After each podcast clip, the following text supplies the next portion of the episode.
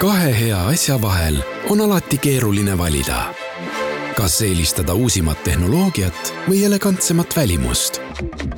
uue Toyota Camry täishübriid-elektriautoga on valik lihtne. See on lipulaeva elegants, mugavus ja turvalisus. uus Camry Hybrid koos viimase põlvkonna Toyota Safety Sense ohutuspaketiga. Camry Executive on nüüd eriti hea tutvumispakkumisega. vaata lisa toyota.ee. kuku raadios välja öeldud seisukohad ei pea ühtima Kuku raadio seisukohtadega.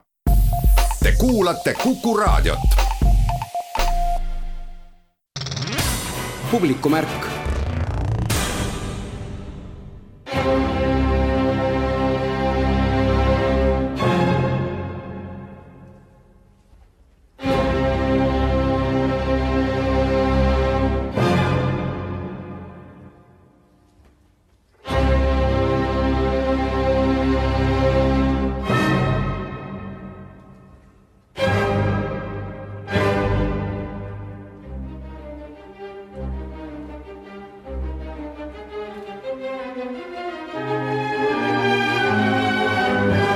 Tere päevast, head raadiokuulajad! kuku raadio eetris on saade Publikumärk ja saatejuhiks on Liis Seljamaa. tänase saate avalooga tervitan Pühalepa muusikafestivali, kellel on tänavu kümnes festivali suvi ning Kärdla kirikus astub täna õhtul üles Eesti Riiklik Sümfooniaorkester peadirigent Olari Eltsi juhtimisel. kavas on Tüüri ja Beethoveni teosed ja tegemist on ERSO esimese kontserdiga Hiiumaal saates tuleb juttu ka Sven Grünbergi muusikast, sest juba homme toimub esimene kontsert pealkirjaga Hingus Sven Grünbergi muusika.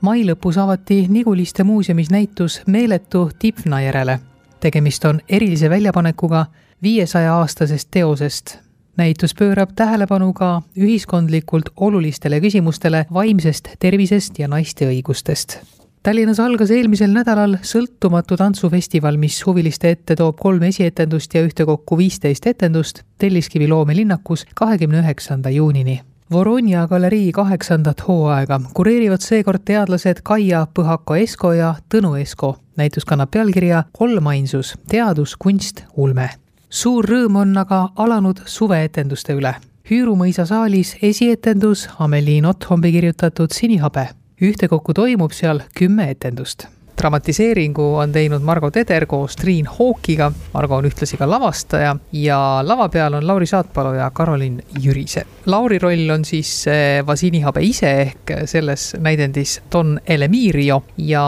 tema võrku või võrgutusse või kes kelle võrgutusse seal langeb, muidugi on küsimus Saturiin ehk kahekümne viie aastane õpetajanna tegemist ei ole sellise klassikalise sinihabeme looga, vaid see on selline tänapäevane sinihabeme lugu no tegelikult on ikka päris sinihabeme looga tegemist, aga ta on lihtsalt jah, teise aega tõstetud, ta ei ole enam seal keskajas, ta toimub nüüd tänapäeva Pariisis. mis selle Saturiini võrku sattumisega, kohe ma mainin, et ei tasu seda etenduse lõppu ära öelda, ütlen vaid nii palju, et mõrvariks osutub tudeng mina ütleks, et see on niisugune väga kaval äh, võrgu punumine, mis nende kahe tegelase vahel seal käib. me võime ju arvata, et inimesed on sellest sinihabeme loost kuulnud, aga võib-olla ei tea keegi sellest nagunii mitte tuhkagi tänasel päeval. et siis on nagu hea lavastada, et kõikidele nagu puhtalt lehelt või? jah, mind inspireeris väga üks tuhande üheksasaja esimese aasta film. seal on üsna põhjalikult nagu näidatud seda,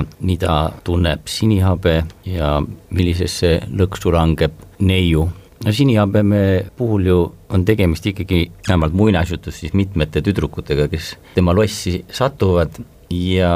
sinna ka siis oma elu jätavad aga autoriks on Amelie Nothomb, tema visioonis on siis sellel sinihabemel ehk siis Donil, kes peab ennast Hispaania aadlikuks, temal on väga välja kujunenud põhimõtted, loomulikult on tal ka huvitav lapsepõlv, Nothombil üldse meeldib alati tegelaste puhul ka lapsepõlvest rääkida, aga olulised on jah, tema põhimõtted ja tal on vajadus kollektsioneerida. Tegemist on üks üsna eksistentsialistliku elu mõttega mis puudutab äh, siis seda kollektsioneerimist ja ütleme ka siis neid tüdrukuid, ta nagu sõltub nendest, ütleme siis niimoodi. see on nagu tema eksistentsialistlik vajadus, jah. noh, see on sarimõrvarite puhul vist tavaline ma tahan seda toonitada, et tegemist ei ole mingisuguse kaunitari ja koletise looga, vaid ikkagi see daam on ka suhteliselt äh, kõva kivi, et mitte öelda väga kõva kivi see ei ole lugu sari mõrvarist, kes kollitab kaks tundi nüüd oma, tambib oma ohvrikest ja, ja, ja, ja loodab saada, mida ta loodab saada, aga kui sa mõtled selles mõttes, et klassikaline sinihabeme lugu, siis see kindlasti ei ole täpselt mitte. Tegelikult jah, siin on ka väike jumala küsimus tekib. Ja Tonni puhul jah, see ongi kõige õigem sõna, on see, ta püüdleb absoluudi poole ja isegi sõnastab seda kohati, et mis seda absoluudi poole püüdlemine tähendab, et ta tegelikult huvitab see ka, et kus läheb piir nagu armastatu ja tema enda vahel. Et aga äh, tuleb muidugi tunnistada jah, et mul Anthony Hopkinsi nägu on ikka mitu korda olnud silme eest lipsanud läbi, kui ma selle äh, materjaliga siin juba olen nagu tegelikult paar aastat tuttav olnud sest esimene katsetus meil teatavasti ebaõnnestus nagu kõikidel ülejäänutel teatritel ja teatri tegemistel tänu sellele katkule. Ja me oleme selle materjaliga nagu pikemalt juba koos elanud ja mul on seoses sellega seda pikemalt perioodi jooksul kangastunud Anthony Hopkinsi Hannibal Lesteri lõust, kuigi need on täiesti erinevad tüübid ja erinevatel motiividel on nad tegutsenud no natukene see sobib ka meie aega, inimene, kes ei taha väga välismaailmaga suhelda, eks tema on seal sellises eraldatuses küll vabatahtlikult, enda sõnul vähemalt, aga igal juhul on see asi, mida me võib-olla oleme vähemal või rohkemal määral siin saanud nagu kogeda või vähemalt nagu aimu sellest, mis võib siis juhtuda, kui me välismaailmaga väga ei suhestu. ja et kui sa oled kaua üksi kodus, et siis võivad sulle väga huvitavad mõtted pähe tekkida. ja mis ei olegi väga sõbralikud, ütleme niimoodi jah, et et ühest küljest see isoleerituse noh, see nüüd mängis meile see olukord selle tunde kätte küll, aga pigem just selle, kuidas see inimene muutub jumalaks enda arust, et ta hakkab määrama ja absoluutselt teab kõike, kuidas asjad käivad, kuidas asjad peavad olema ja milleni pürgida ja mis on lausa vastuvaidlematult tõde, no neid paralleele võib seal leida noh, kas või tänase, miks ka mitte eilse poliitikaga, neid paralleele ikkagi hulga ja hulga, masendavalt palju me ei saagi võib-olla sageli aru jah, kui me oma argipäevas elame, et kus see hullumeelsuse piir on, et võib-olla me juba ise oleme ka hullumeelsed. vaat see, see, see on, ma, ma olen mõtelnud seda, et me oleme tänapäeval nii palju haritud või noh, mitte informeeritud, võiks öelda selle peale, meedia annab meile igasuguseid asju kätte, et me oleme õppinud juba seda, et hullumeelsusel on nii palju eri vorme et neid võimalusi on hull olla, on tegelikult lõputult palju. Ja seetõttu paljud hullumeelsused meil tunduvad juba normaalsused. see piir hullumeelsuse ja normaalsuse vahel on täiesti juba sassis, seda ma olen ise mõtelnud ka. Jah, ja, ja täpselt see Margo ütlus, et võib-olla oleme me lollakad hoopis sul tuleb see sisseelamine rolli nagu kergelt? ja, ma enda pealt nagu ikka. Ei no see, see peab ära õppima selle, et lavastaja ütleb sulle märkused ja, ja asja, mida sa, kuhu suunas sa pead liikuma ja siis sa õpid selle ära, ega see näitlemine nüüd ei ole ka niimoodi, et ma nüüd võtan siis selle kristallmuna ja siis olen meedium ja, ja, ja siis äh, räägin surnud vanaisa, no tähendab, minul see ei tööta, et ma õpin asja selgeks aga kahtlemata ma mõtlen selle inimese peale ja sooja südamega. Sellepärast et ma kujutan ette, et see mees, kes Hitlerit mängis, see peas, pidi ka tegelikult Hitlerile noh, kaasa tundma, tal pidi tast nagu olema midagi, muidu sa ei saa Hitlerit ka mängida. ja samamoodi ei saa Sinihabet mängida, kui sa tast üldse ei pea midagi, minu arust, minu jaoks on ta kohati väga sümpaatne, lihtsalt ta rikub teatavate asjadega üldpildi ära inimeste jaoks ütleme siis nii, et seisukohad on selged, dialoog nende kahe tegelase vahel on äh, väga nauditav ja see loo autor ise, Amelie Nothomb, see on ka päris huvitav tegelane vist. jaa, mina isiklikult olen tast juba ammu vaimustuses olnud, tegelikult meil oli au ka VAT teatris kunagi teha tema ühte lugu, see oli Vaenlase kosmeetika, seda vist ka Vene teatris tehtud ja juba see oli väga paeluv dialoog. Nendel lugudel on ka üht-teist sarnast, eriti huvitab Notombi just tegelase lapsepõlv, mida on ka siis Sinihabeme puhul näha ja ka üks tore sarnasus on see, mida siis Notomb ka oma tekstis on öelnud, et kui armastatakse, siis tapetakse. Et see oli nagu iseenesestmõistetav filosoofia. Jah, ega ta päris suveetendusena ei kõlanud, aga no ütleme otse välja, et meelelahutusi on igasuguseid ja mina soovitan täiesti ja see ei ole mitte ainult eh, puhas dialoog ja ta-ta-ta kaks rääkivad pead, vaid seal on ikka misantseen ka ja just Äh, see Hüüru värskelt renoveeritud karjamõis, äh, see ruum mängis meile nii palju misantseene juba ette ja kätte, see mõis on juba ise omaette vaatamisväärsus, seal ikka lüüakse isegi vaata et tantsu. just tore on selle mõisa puhul see, et, et sinihabemeloos on oluline see uks, kuhu te ei tohi sisse minna, siis need uksed on meil seal mõisas kõik ilusasti olemas. jaa, isegi selline uks, kus võib sisse minna, see publik võib minna nii puhvetisse kui ka saali, nii et. Aga, aga üldiselt et äh, kokkuvõtlikult äh, võiks selle kohta öelda, et tuleb tore teatriõhtu. publikumärk. Voronja galerii kaheksandat hooaega kureerivad teadlased Kaia Põhako Esko ja Tõnu Esko. näitus kannab pealkirja Kolmainsus, teadus, kunst ja ulme. minule see näitus väga meeldib, võib-olla kõige rohkem nendest äh, Voronja galerii näitustest. peamiselt selle tõttu, et mulle väga meeldib ulme ja mulle meeldib steampunk. Need olid minu jaoks niisugused meeldivuse märksõnad, aga kuidas teie jaoks on? kirjandus ka endale väga meeldib, eriti ulme ja, ja steampunk on ka väga tore, et noh, miks mitte sellise aurumootoriga õhulaevaga kuskil ringi sõita, et minu arust nagu vägagi selline tore suvine meelelahutus oleks see no see ei ole muidugi selle näituse peamine teema ja ei saa öelda, et ka kõik teosed sellised oleksid, aga kui see kureerimise ettepanek teile tuli ja te hakkasite siis valima, kes võiks esineda, kuidas te valisite neid? no algusest peale meil oli ikkagi selge, et näitus saab olema teadusega seotud, sest me ise oleme teadlased. tuli mõte, et me tahaks käsitleda teaduse piire, nii tehnilisi kui eetilisi üsna kiiresti jõudsime Lapinini, kelle seitsmekümnendate graafika inimeste ja masinate sümbioosist on äh, väga tuntud ja, ja mõjub värskelt ka tänapäeval. kohe kiiresti tuli meelde ka Alar Tuul, kes on meie enda üks suur lemmikuid tema sellised suuremõõtmelised äh, abstraktsed maalid kujutavad nii virtuaalmaailma kui kosmoserände, et äh, milline siis meie tulevikumaailm on, et kas me jõuame kaugete võõraste planeetideni või pigem äh, kapseldume endasse ja elame järjest rohkem virtuaalmaailmas. Ja siis juba väga teadlikult jälgisime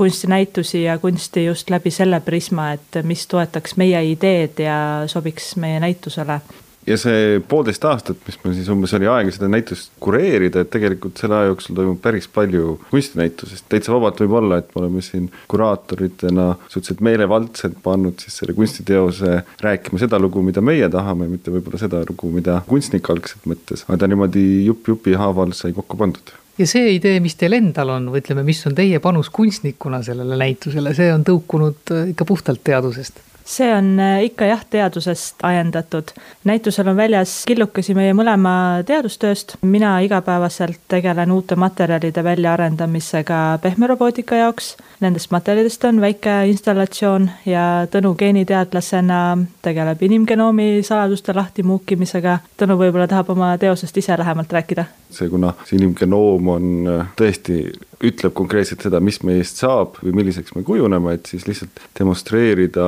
erinevatel viisidel, et kui palju informatsiooni see on, et kes tuleb vaatama, näeb, et siis on siin tükike sellest inimgenoomist on saanud raamatusse, piiblid tulevad mängu, tuleb siin robot ja tuleb ka,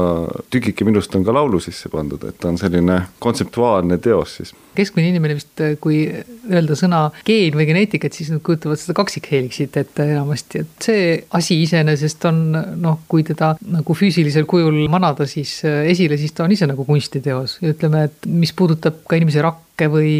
nendest saab imelisi kunstiteoseid teha just nimelt, et see jah, see kaksikheeliks ja see, et kuidas teda avastati läbi röntgenpildi ja kuidas seal siis tekib see selline X-kujuline nii-öelda moodustis, et see ise juba tegelikult on kunstiteos ja siit väga sujuvalt saabki liikuda siis üks osa sellest kunstinäitusest on siis saunamajas olev teadusfotode näitus, kus siis tulebki näitamisele siis Eesti teadusfotovõistluse ütleme viimase kümne aasta paremad tööd, mis meile kuidagi meid kõnetasid nii selle sise- kui väliskosmose mõttes ja seal ongi just nii-öelda see mikrokosmos, et just need rakud ja tundlakesi vist küll ei olnud, aga noh, neid erinevaid moodustusi ja siis kohati see, mis loodus ise pakub, on võib-olla isegi veel pöörasem kui see, millega kunstnikud suudavad loomistuhinas välja tulla, et nii on ka see osa teadust ka niipidi saab osaks kunstivoost igapäevaselt te puutute kokku ilmselt mõlemad ka eetilisuse küsimusega, kui me võime kõike teha,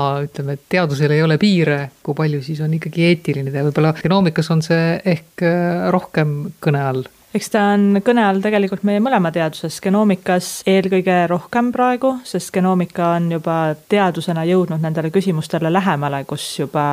on vaja eetikalubasid küsida. pehme robootika tegelikult liigub sinna suunda, et võib-olla ühel päeval inimestena me käimegi küborgidena ringi, kus masinad on inimesega ühendatud ja masinad muudavad meid nii-öelda üliinimesteks tänapäeva tehnoloogia veel nii kaugel ei ole, et me peaks siin ja praegu otsustama, et kas siis see peaks olema lubatud või mitte, aga kunst ja ulmekirjandus on selles küsimuses juba ajast ees, et siin näituselgi on vaatamiseks välja pandud Estokini tööd, kus tugevalt juba tuleb see küborgite maailm nagu sisse. Ja, ja ulmekirjanduses on ka seda teemat lahatud et need eetilised dilemmad ei ole võõrad ja juba on kunstis läbi arutatud. kuna see teadus ongi arenenud sellisesse faasi, et me saamegi võtta, hakata muutma inimese genoomi ja siis sealt püsitavadki need küsimused, et kas seda on eetiline teha, kui palju seda on teha, milliste haiguste puhul. Ja seda me üritame siis avada seal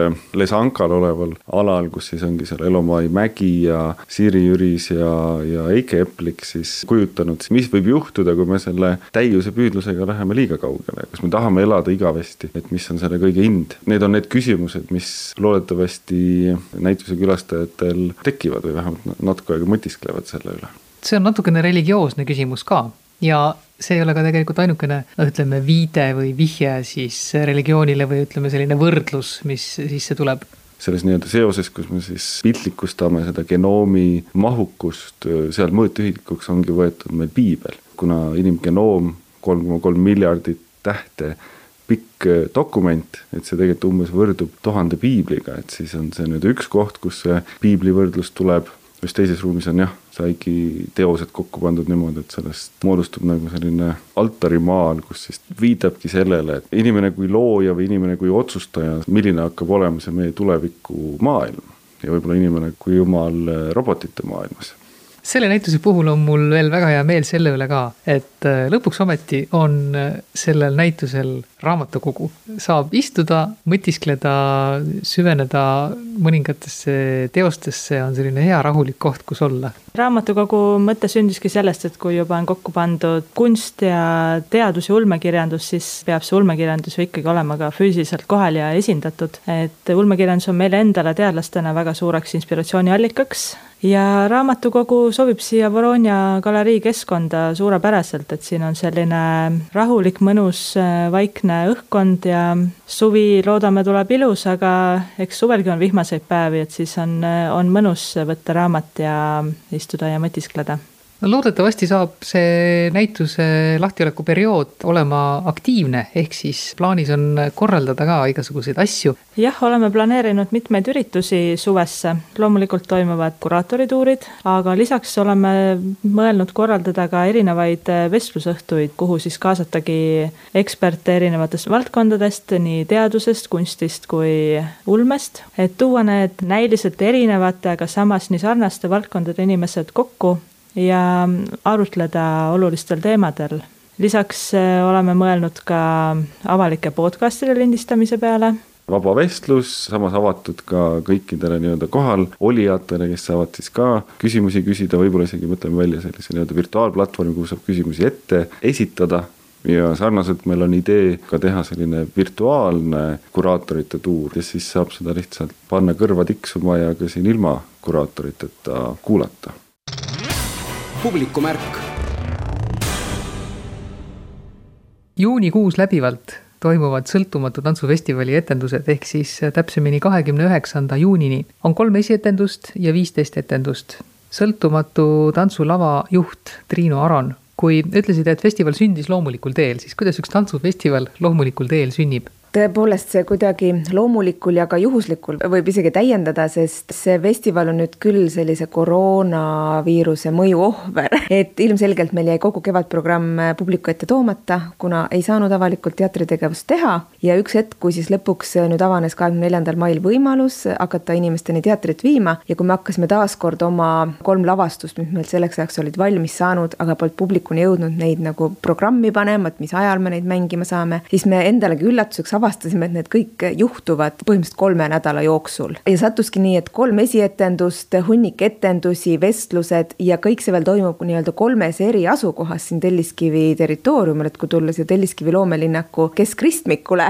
vaadata kolmes suunas, siis igas suunas ongi meie üks etenduspaik. ja siis nagu järsku tunduski, et kuulge, et see ongi ju täiesti festival mõne sõnaga etendustest rääkides, siis sarja premeer raames on kaks ülesastumist siis. Ingrid Mugu kaasaegne flamenco lavastus Põlemine ja Allar Valge lavastus Love me Tinder. Premeer tegelikult on meil väga vana sari juba. Ta on juba kaheteistkümnes aasta, üheteistkümnes kord, sest viimased korrad on ta üle aasta toimunud. Premiere'i enda sarja mõte on anda uutele koreograafidele, kes siis nii-öelda alles tahavad alustada oma teed siin kaasaegse tantsuväljal, toetada neid nende esimese lavastuse väljatoomisel. Ja siis neil ongi noh, selline sari nagu loodud, mis mõnes mõttes nii-öelda pehmendab nende tulekut, annab sellise hea ja noh, publikule ka võib-olla niisuguse parema sissetuleku ja parema nagu võimaluse suhestuda sellega. Ja meie siis teatrina tõesti väga palju toetame, aitame, oleme olemas nende jaoks jah, ma arvan, et siin on see tugi ja koostöö hästi oluline no flamenco inimesed võivad ette kujutada, et kaasaegne flamenco, kui palju see sellest erineb? kindlasti näeb seda tantsukeelt, aga ta on pandud noh, ikkagist sellisesse lavastuslikku vormi, sellega luuakse kujundeid, ka mingi väike narratiiv on selles sees. ta on ikkagist lavastuslikku vormi pandud, seal on kõik lavastuse osised nii-öelda olemas, et ma arvan, et pigem oleme me harjunud selle flamenco kui kontsertesitusega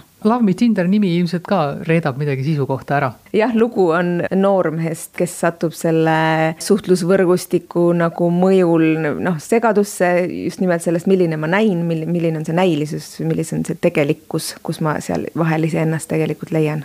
lavastus pealkirjaga Veenus.me või Veenus Me on alternatiivmuusikal. Rene Kösteri ja Karmel Kösteri ühistöö see lavastus tegelikult on meil kõige kauem küpsenud, ta pidi juba detsembris esietenduma, aga noh, erinevaid koroonamõjusid tuli eest ja tagant. lõpuks ta jõuab publikuni, aga see lavastus tegelikult hakkas sündima või see mõte tuli isegi esimese viiruse ajal. teema just lähtus sellest, kui noh, kõik oli järsku kinni, kohtumiskohad olid kinni, kõik klubid olid kinni ja, ja selle lavastuse nagu mõte tuligi sellest queer ja klubi kogukonna nagu küsimusest, kus on need kohad, kus me veel saame kohtuda. tõepoolest, see lavastus ise ongi noh, selline tõe tõeline nagu, nagu see Veenus ise kõige säravam planeet, äh, sellist hulga luksuslikkust ja muusikat ja vägevust täis selline kohtumisvõimalus. ja viimane läbikukkumine Keti Kuuspuult ja see on nüüd äh, lavastus, mis on pigem selline installatiivne ja see toimub meil ka Telliskivi rohelises saalis, mis on selline tõesti mahajäetud tööstusruum. me oleme seda veel omakorda võimendanud tolmuse kipsi ja metallkonstruktsioonidega, mida see ruum on täis pandud ja seal on tõesti siuksed viis habrast naiselikku nii-öelda keha, kes siis sellesamade metallkonstruktsioonidega suhestudes noh, püüavadki leida seda mingit vastupidavuse läbikukkumise, kus on see piir selle jõu, jõu ja selle vahel, et on väga selline installatiivne vormiline mäng, see kestab kaks ja pool tundi. ma arvan, kes tõesti tahab sellist visuaalset kohalolekut tunda, see on tõeline maius pole neile. Need lavastused on kõik äh, täiesti erinevad, kuigi võib tunduda, et ka saalid on ju ütleme üldjoontes ühesugused, et siis äh, ilmselt ikkagi nende toimumine just nimelt selles saalis ei ole ka mitte juhuslik nojah, premeeri äh, lavastused toimuvad nüüd meie enda sõltumatu tantsulava saalis, aga meil on väga väike saal ja nüüd veel taaskord jälle see viirus, viirus, viirus. sellest tingituna saame ju vastu võtta vähem publikut, me peame tagama publikule hajutatuse. et see on siis ainus, mis veel mahtus meie saali, kuna tegu on soolodega, aga Veenusmi lavastuse me viisime Vaba Lava suurde saali, sest tõepoolest seal publiku huvi oli väga suur ja meil olid enne esietendust peaaegu et eelmisel korral piletid müüdud, et nüüd me saame ka uut publikut veel vastu võtta ja läbikukkumine toimubki siis sellises endises sellises industriaalruumis, mis, mis mängib just sellesama mõttega. õrn inimkeha sellises tööstuslikus metallkeskkonnas kui palju inimestele pakub üldse huvi arutleda kaasaegse tantsu üle? ja seekord on meil kaks arutelu, üks toimus juba kolmandal juunil premeeri puhul, kuna tegemist oli uute koreograafidega, siis meil oli arutelu keskmes pigem nendesamade Ingrid Mugu ja Allar Valge endaga, mis on nende enda motivatsioonid siia professionaalsele tantsuväljale tulekuks, kuidas nad seda näevad ja mida nad mõtlevad, et, et see oli pigem selline, nagu me ütleme, artist talk formaadis vestlus. aga Veenus Mi lavastusega kaasneb just temaatiline vestlus klubi ja queer-kultuurist, et me nii palju ei arutlegi nii-öelda tantsu üle, kuivõrd ikkagi selle teema üle, mida lavastus on ise tõstatanud juba. Aga lavastused, kui nad on festivali ajal ära mängitud, kas äh, neid mängitakse siis ka mujal, kui festival läbi on, võib-olla uuel hooajal? vot seda on nüüd raske öelda, et loodame, et üldse uuel hooajal saame etendusi mängida, noh ilmselgelt pandeemia mõjud kuhjusid, et me, me oleme neli-viis kuud oodanud, kogu aeg valmisolekus olnud, mitmeid kordi ümber teinud oma mängukavasid, inimeste programme. see kõik sõltub, mis sügises saanud on, et kahtlemata me tahaksime, me oleme seda, seda teed läinud, mängime asju uuesti, aga praegu kuidagi tunneme, et meist sõltub vähem kui, või planeerida on võimalik väga vähe. ja näiteks veel ühest sellest festivali motiivist ma just mõtlesin, et no üks oli see juhuslik teadlikkus ja asjade nagu iseeneslik minek, aga tegelikult meie enda meeskondadele, ma arvan, enamus teatritele ja asutustele, kes on olnud nagu mõjutatud praegust olukorrast, on olnud kohutavalt väsitav see plaanide ümbertegemine kolm korda, viis korda, me vahetame inimeste pileteid, me vahetame asju, et tegelikult see hetk, vau, et teeme festivali, tähistame, pühitseme, see andis tegelikult meie meeskonnale ka täiesti uue käigu ja see oli nii mõnus, noh ikkagi sa saad midagi uut teha, sa ei tee viies kord vana asja, see oli ka nagu hästi tähtis. huvilistel on sõltumatu tantsulava kodulehelt võimalik saada täpsemalt teada siis, millal millised etendused toimuvad ja kus? seal on festivali programm eraldi väljas, saab tutvuda lavastustega, saab tutvuda aruteludega ja kui ka satute Telliskivi loomelinnakusse, siis juba siin on ka see festival tõepoolest, või noh, loomelinnak ise on festivali rüüs. siin on plakateid, siin on, me oleme pannud ka viidad ja tegelikult, mis on ka tore, näiteks meil kahel korral juhtub nii, nagu ikka päris festivalil, et õhtu jooksul on lausa kolm etendust, et inimesed alustavad kell seitse, lõpetavad pool kaksteist, et nii-öelda ühelt etenduselt teise saab ka väga ilusti liikuda, paar päeva satuvad täiesti niiviisi. nii et ma arvan, niisugune festivali tunne ja festivali melu ja see, see võimalus tähistada tõesti koos olemist, teatris olemist, tantsu, see peaks siin kõik nagu saama nüüd juhtuda. publikumärk Niguliste muuseumis avatud näitus Meeletu Timpna järele on üks eriline väljapanek. tutvustatakse viiesaja aastast teost, aga see ei ole mitte ainukene asi, mida Niguliste müüride vahel näha saab. selle näituse koordinaator Nigulistes on Merike Kurisoo. tegemist on jällegi The Phoebius Foundationi koostööga, paistab, et sedakaudu seda madalmaade kunsti saab eestlastele päris ilusasti tutvustada, et ma loodan, et see on mitmepoolselt kasulik ja huvitav koostöö ja Nigulistel on suur äh, rõõm võõrustada äh, näitust, mille keskmes on äh, Pühale Tipnale pühendatud uhke eriline altari retaabel ja see teos on äh, väga oluline ka laiemalt, eeskätt on ta üks uhkemaid kunstiteoseid Phoebus Foundationi kogus, on algselt koosnenud kaheksast suurest äh, maalitahvlist, kui võrrelda näiteks meie Roode kappaltariga, et ta on olnud nii-öelda samades äh, mõõtudes siis algsena. selle on maalinud Koselmander Veiden kes on tegelikult nii-öelda tänase kunstiajaloo jaoks selline väikemeister, aga mis teeb ta eriliseks, on eh, tema päritolu, nimelt ta on eh, Rohir van der Weideni lapselaps. Ja Rohir on üks neist kolmest suurest eh, madalmaade maalijatest siis koos Jan van Eygi ja Hans Memlingiga, kes tõesti kuuluvad nende kolme suure nii-öelda ritta. ta on ähm, selline Brüsseli maalikooli esindav teos, sest et Veidenite nii-öelda suguvõsa pärines ja, ja töötas seal, aga Koosen ise äh, noore mehena läks Antwerpeni. see aeg, see kuueteistkümnenda sajandi algus, kui Antwerpenist kujuneb uus suur madalmaade kunstikeskus. ja see teos haakub mitmeti Nigulistega. Meie enda kogus on kolm uhket suurt madalmaade altari retaali, taablit samast perioodist, siis Brüsselist Püha Võimkonna kappaltar, loomulikult kannatusaltar, mida seostatakse just neid ülemaalinguid ka meie Mihhail Sittoviga ja loomulikult siis suur Luutsia legendi meistri Maarja altar võib-olla kõige erilisem selle teose juures on see lugu, Dipna enda lugu, selle Iiri printsessi lugu ja selle loo tähendus tänase päevani. et see näitus ei ole selline traditsiooniline klassikaline vanakunsti näitus, kus me keskendume ainult teosele, vaid selle keskmes on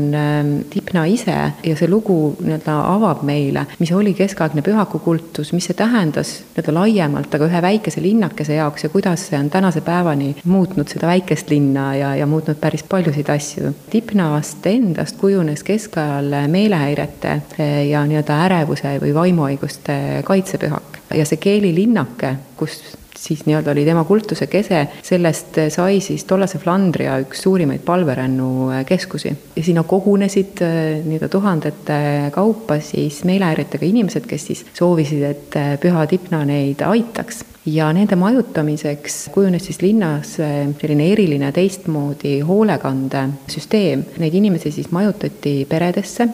nad jäid sinna mõni lühemaks, mõni pikemaks ajaks, mõni terveks eluajaks. Ja see traditsioon tegelikult kestab tänaseni no tehnilise poole pealt on see näitus, ütleme, teos on jagatud siis ära, nii nagu ta on kaheksas osas maalitud, nii ta on ka ära jagatud ja see, kuidas, ütleme, seda esitletakse, on vist taoline, mida Nigulistes varem pole olnud, ehk siis on valminud tore audiogiid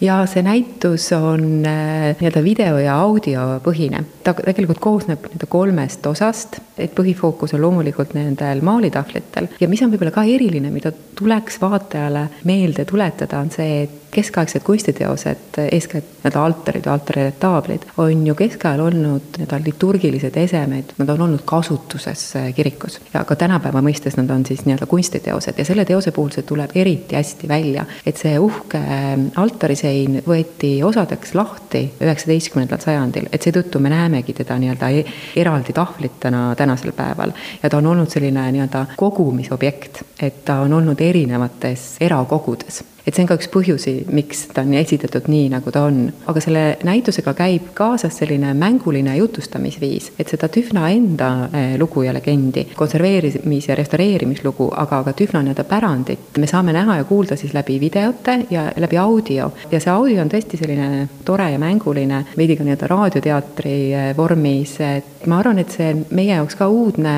eh, jutustamisviis kindlasti konserveerijatele ja restauraatoritele endile on huvitav äh, see pool, mis räägib, kuidas seda kõike tehti, eks ole, et äh, mitte muidugi tervet äh, restaureerimisprotsessi, aga osa sellest, ka see on esitatud niisugusel mängulisel moel. ja, ja seal on väga huvitavaid, toredaid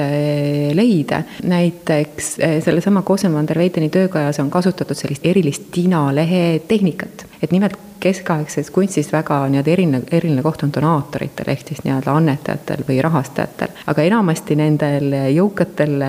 isikutel ei olnud aega tulla kunstniku stuudiosse ja siis nii-öelda kunstnik läks siis donaatori juurde ja nii-öelda kohapeal maalistas siis väikese portree ja, ja just sellel perioodil, viieteistkümnenda sajandi lõpul madalmaades kujuneski välja selline tava, et seda maaliti siis tina, selliste väikestele tinalehtedele, mis siis hiljem kanti siis või nii-öelda kleebiti leiti sellele teosele. et siin me näeme seda ja see on just, arvatakse, et alguse sellele pani siis Rohir van der Weyden ise ja, ja seda me näeme ka Memlingi teostel, et see on jah, selline nii-öelda eriline köögipool, mida siis ka vaataja siit teada saab. kas palverännakud sinna keeli ka praegu jätkuvad? jätkuvad eh, loomulikult ja, ja keelis on tegelikult üks huvitav traditsioon, et üsna pühakupäeval mais nad siis iga viie aasta tagant korraldavad selliseid suuri eh, protsessioone, eh, lõbusaid või mängulisi karnevali tüüpi protsessioone ja see oleks pidanud tegelikult olema mm, eelmisel aastal ja jäi koroona tõttu ära.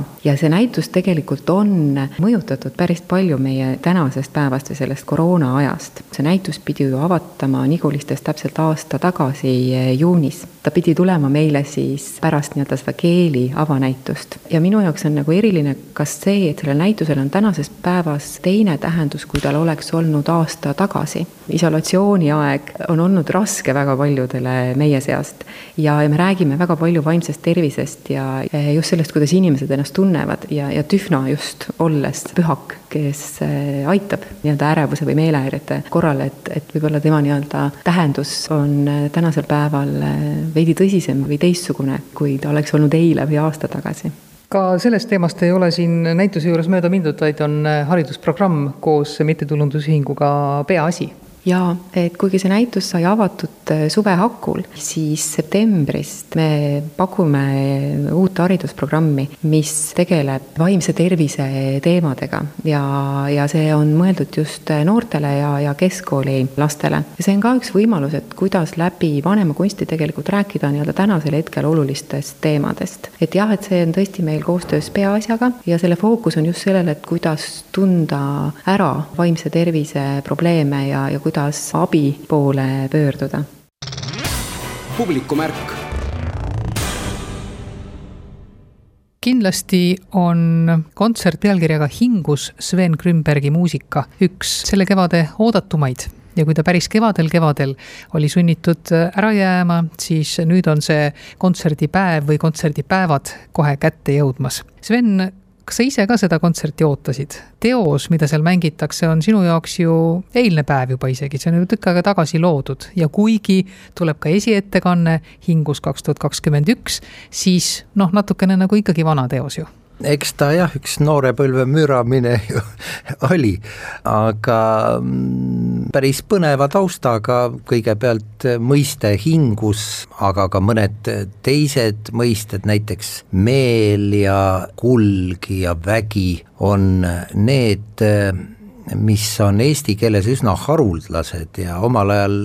Linnart Mälliga palju suheldes sai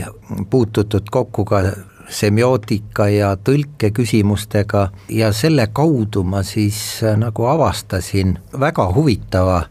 mõiste või, või sõna hingus, mis mind sedavõrd inspireeris, et sai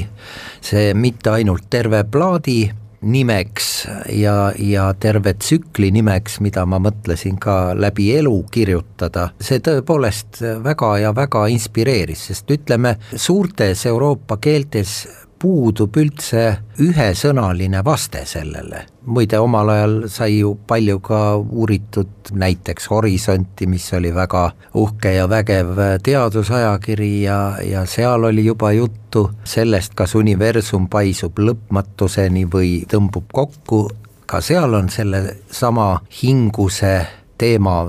väga selgelt ju sees, nii et ühest küljest hingab või on meil tegu kosmilise hingusega, aga ka siis, kui inimene kustub, siis ta läheb ju ka hingusele, nagu öeldakse, kusagile lõpmatusse. Ja seetõttu sai sellele plaadile ka ümbrisele pandud Sombrero Galactica, muide väga paljud on seda pidanud läbi aegade hoopis mingiks ufoks, tegelikult on see looduspilt ehk siis, et selline galaktika on ka päriselt olemas ja, ja Tõnis Vint vormistas selle väga uhkeks ümbriseks. Ja nii ta läks, see Nõukogude impeeriumi kõige esimene elektronmuusika autoriplaat. aga muidugi jah, täna ma vaatan sellele hoopis eh, nagu teise pilguga, suur oht teatud vanuses on jäädagi oma vanu asju kuidagi kordama ja nagu vana katkine plaat ja muudkui aga noorusasju tegema, et õnneks mul seda viga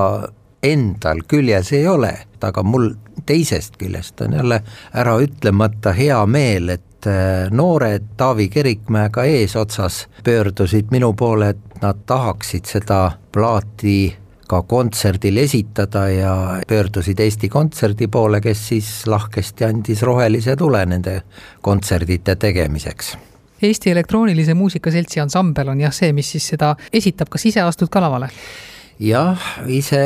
tuleb minna, ega ma mõtlesin, et, et aitab küll, et mis ma seal laval ikka, aga kuna on tegu ka täiesti uue teosega ja paraku kipub äh, olema nii, et äh, olgu aega kui palju tahes, ikka uued teosed, neile annad lihvi alles viimasel minutil. Ja noh, ütleme elektroonilise muusika puhul on just keerukus selles, et mitte ei mängita ju ainult noote, vaid kõik need äh, erinevad kõlamaastikud peavad olema väga täpses balansis ja tasakaalus selleks, et asi toimiks. Ja praegu ei ole lihtsalt aegruumi selleks, et kõike seda teistele seletada, selle tõttu tuleb ka ise osaleda ja, ja lavale minna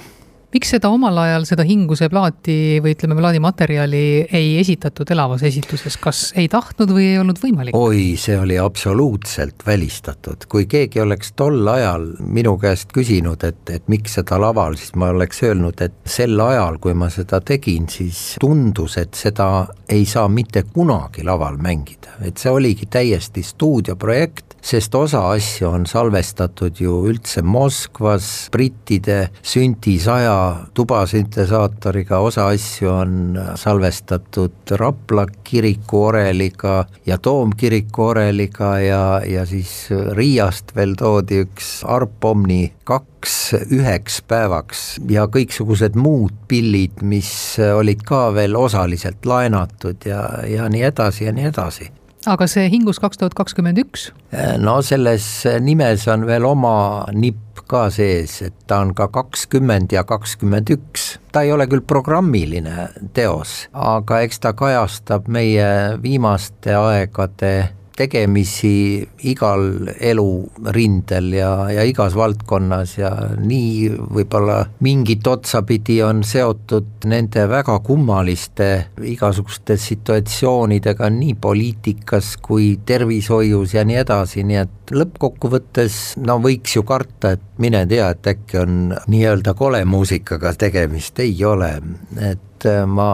ikkagi arvan, et tuleb toetada inimesi, aidata ja tuleb paljundada meeleselgust, mitte meeltesegadust. ängi mina arvan, et ei ole vaja paljundada, seda on niikuinii maailmas liiga palju. Selle muusika juurde eriti, kuigi muusika juurde võib-olla üldse kontserdil vähemalt on tore alati saada mingisugune ekstra visuaal ka ja sellel kontserdil on see olemas. jaa, on küll, kuigi ma pean ausalt tunnistama, et ma ei ole veel midagi näinud, küll aga olen ma Tenku varasemate mõnede töödega tuttav ja ma arvan, et tema tegevused ja maitse on piisavalt hea, et ma selle koha pealt esialgu väga ei muretse, et kontsert, esimene kontsert on siis kolmeteistkümnendal Vanemuise teatris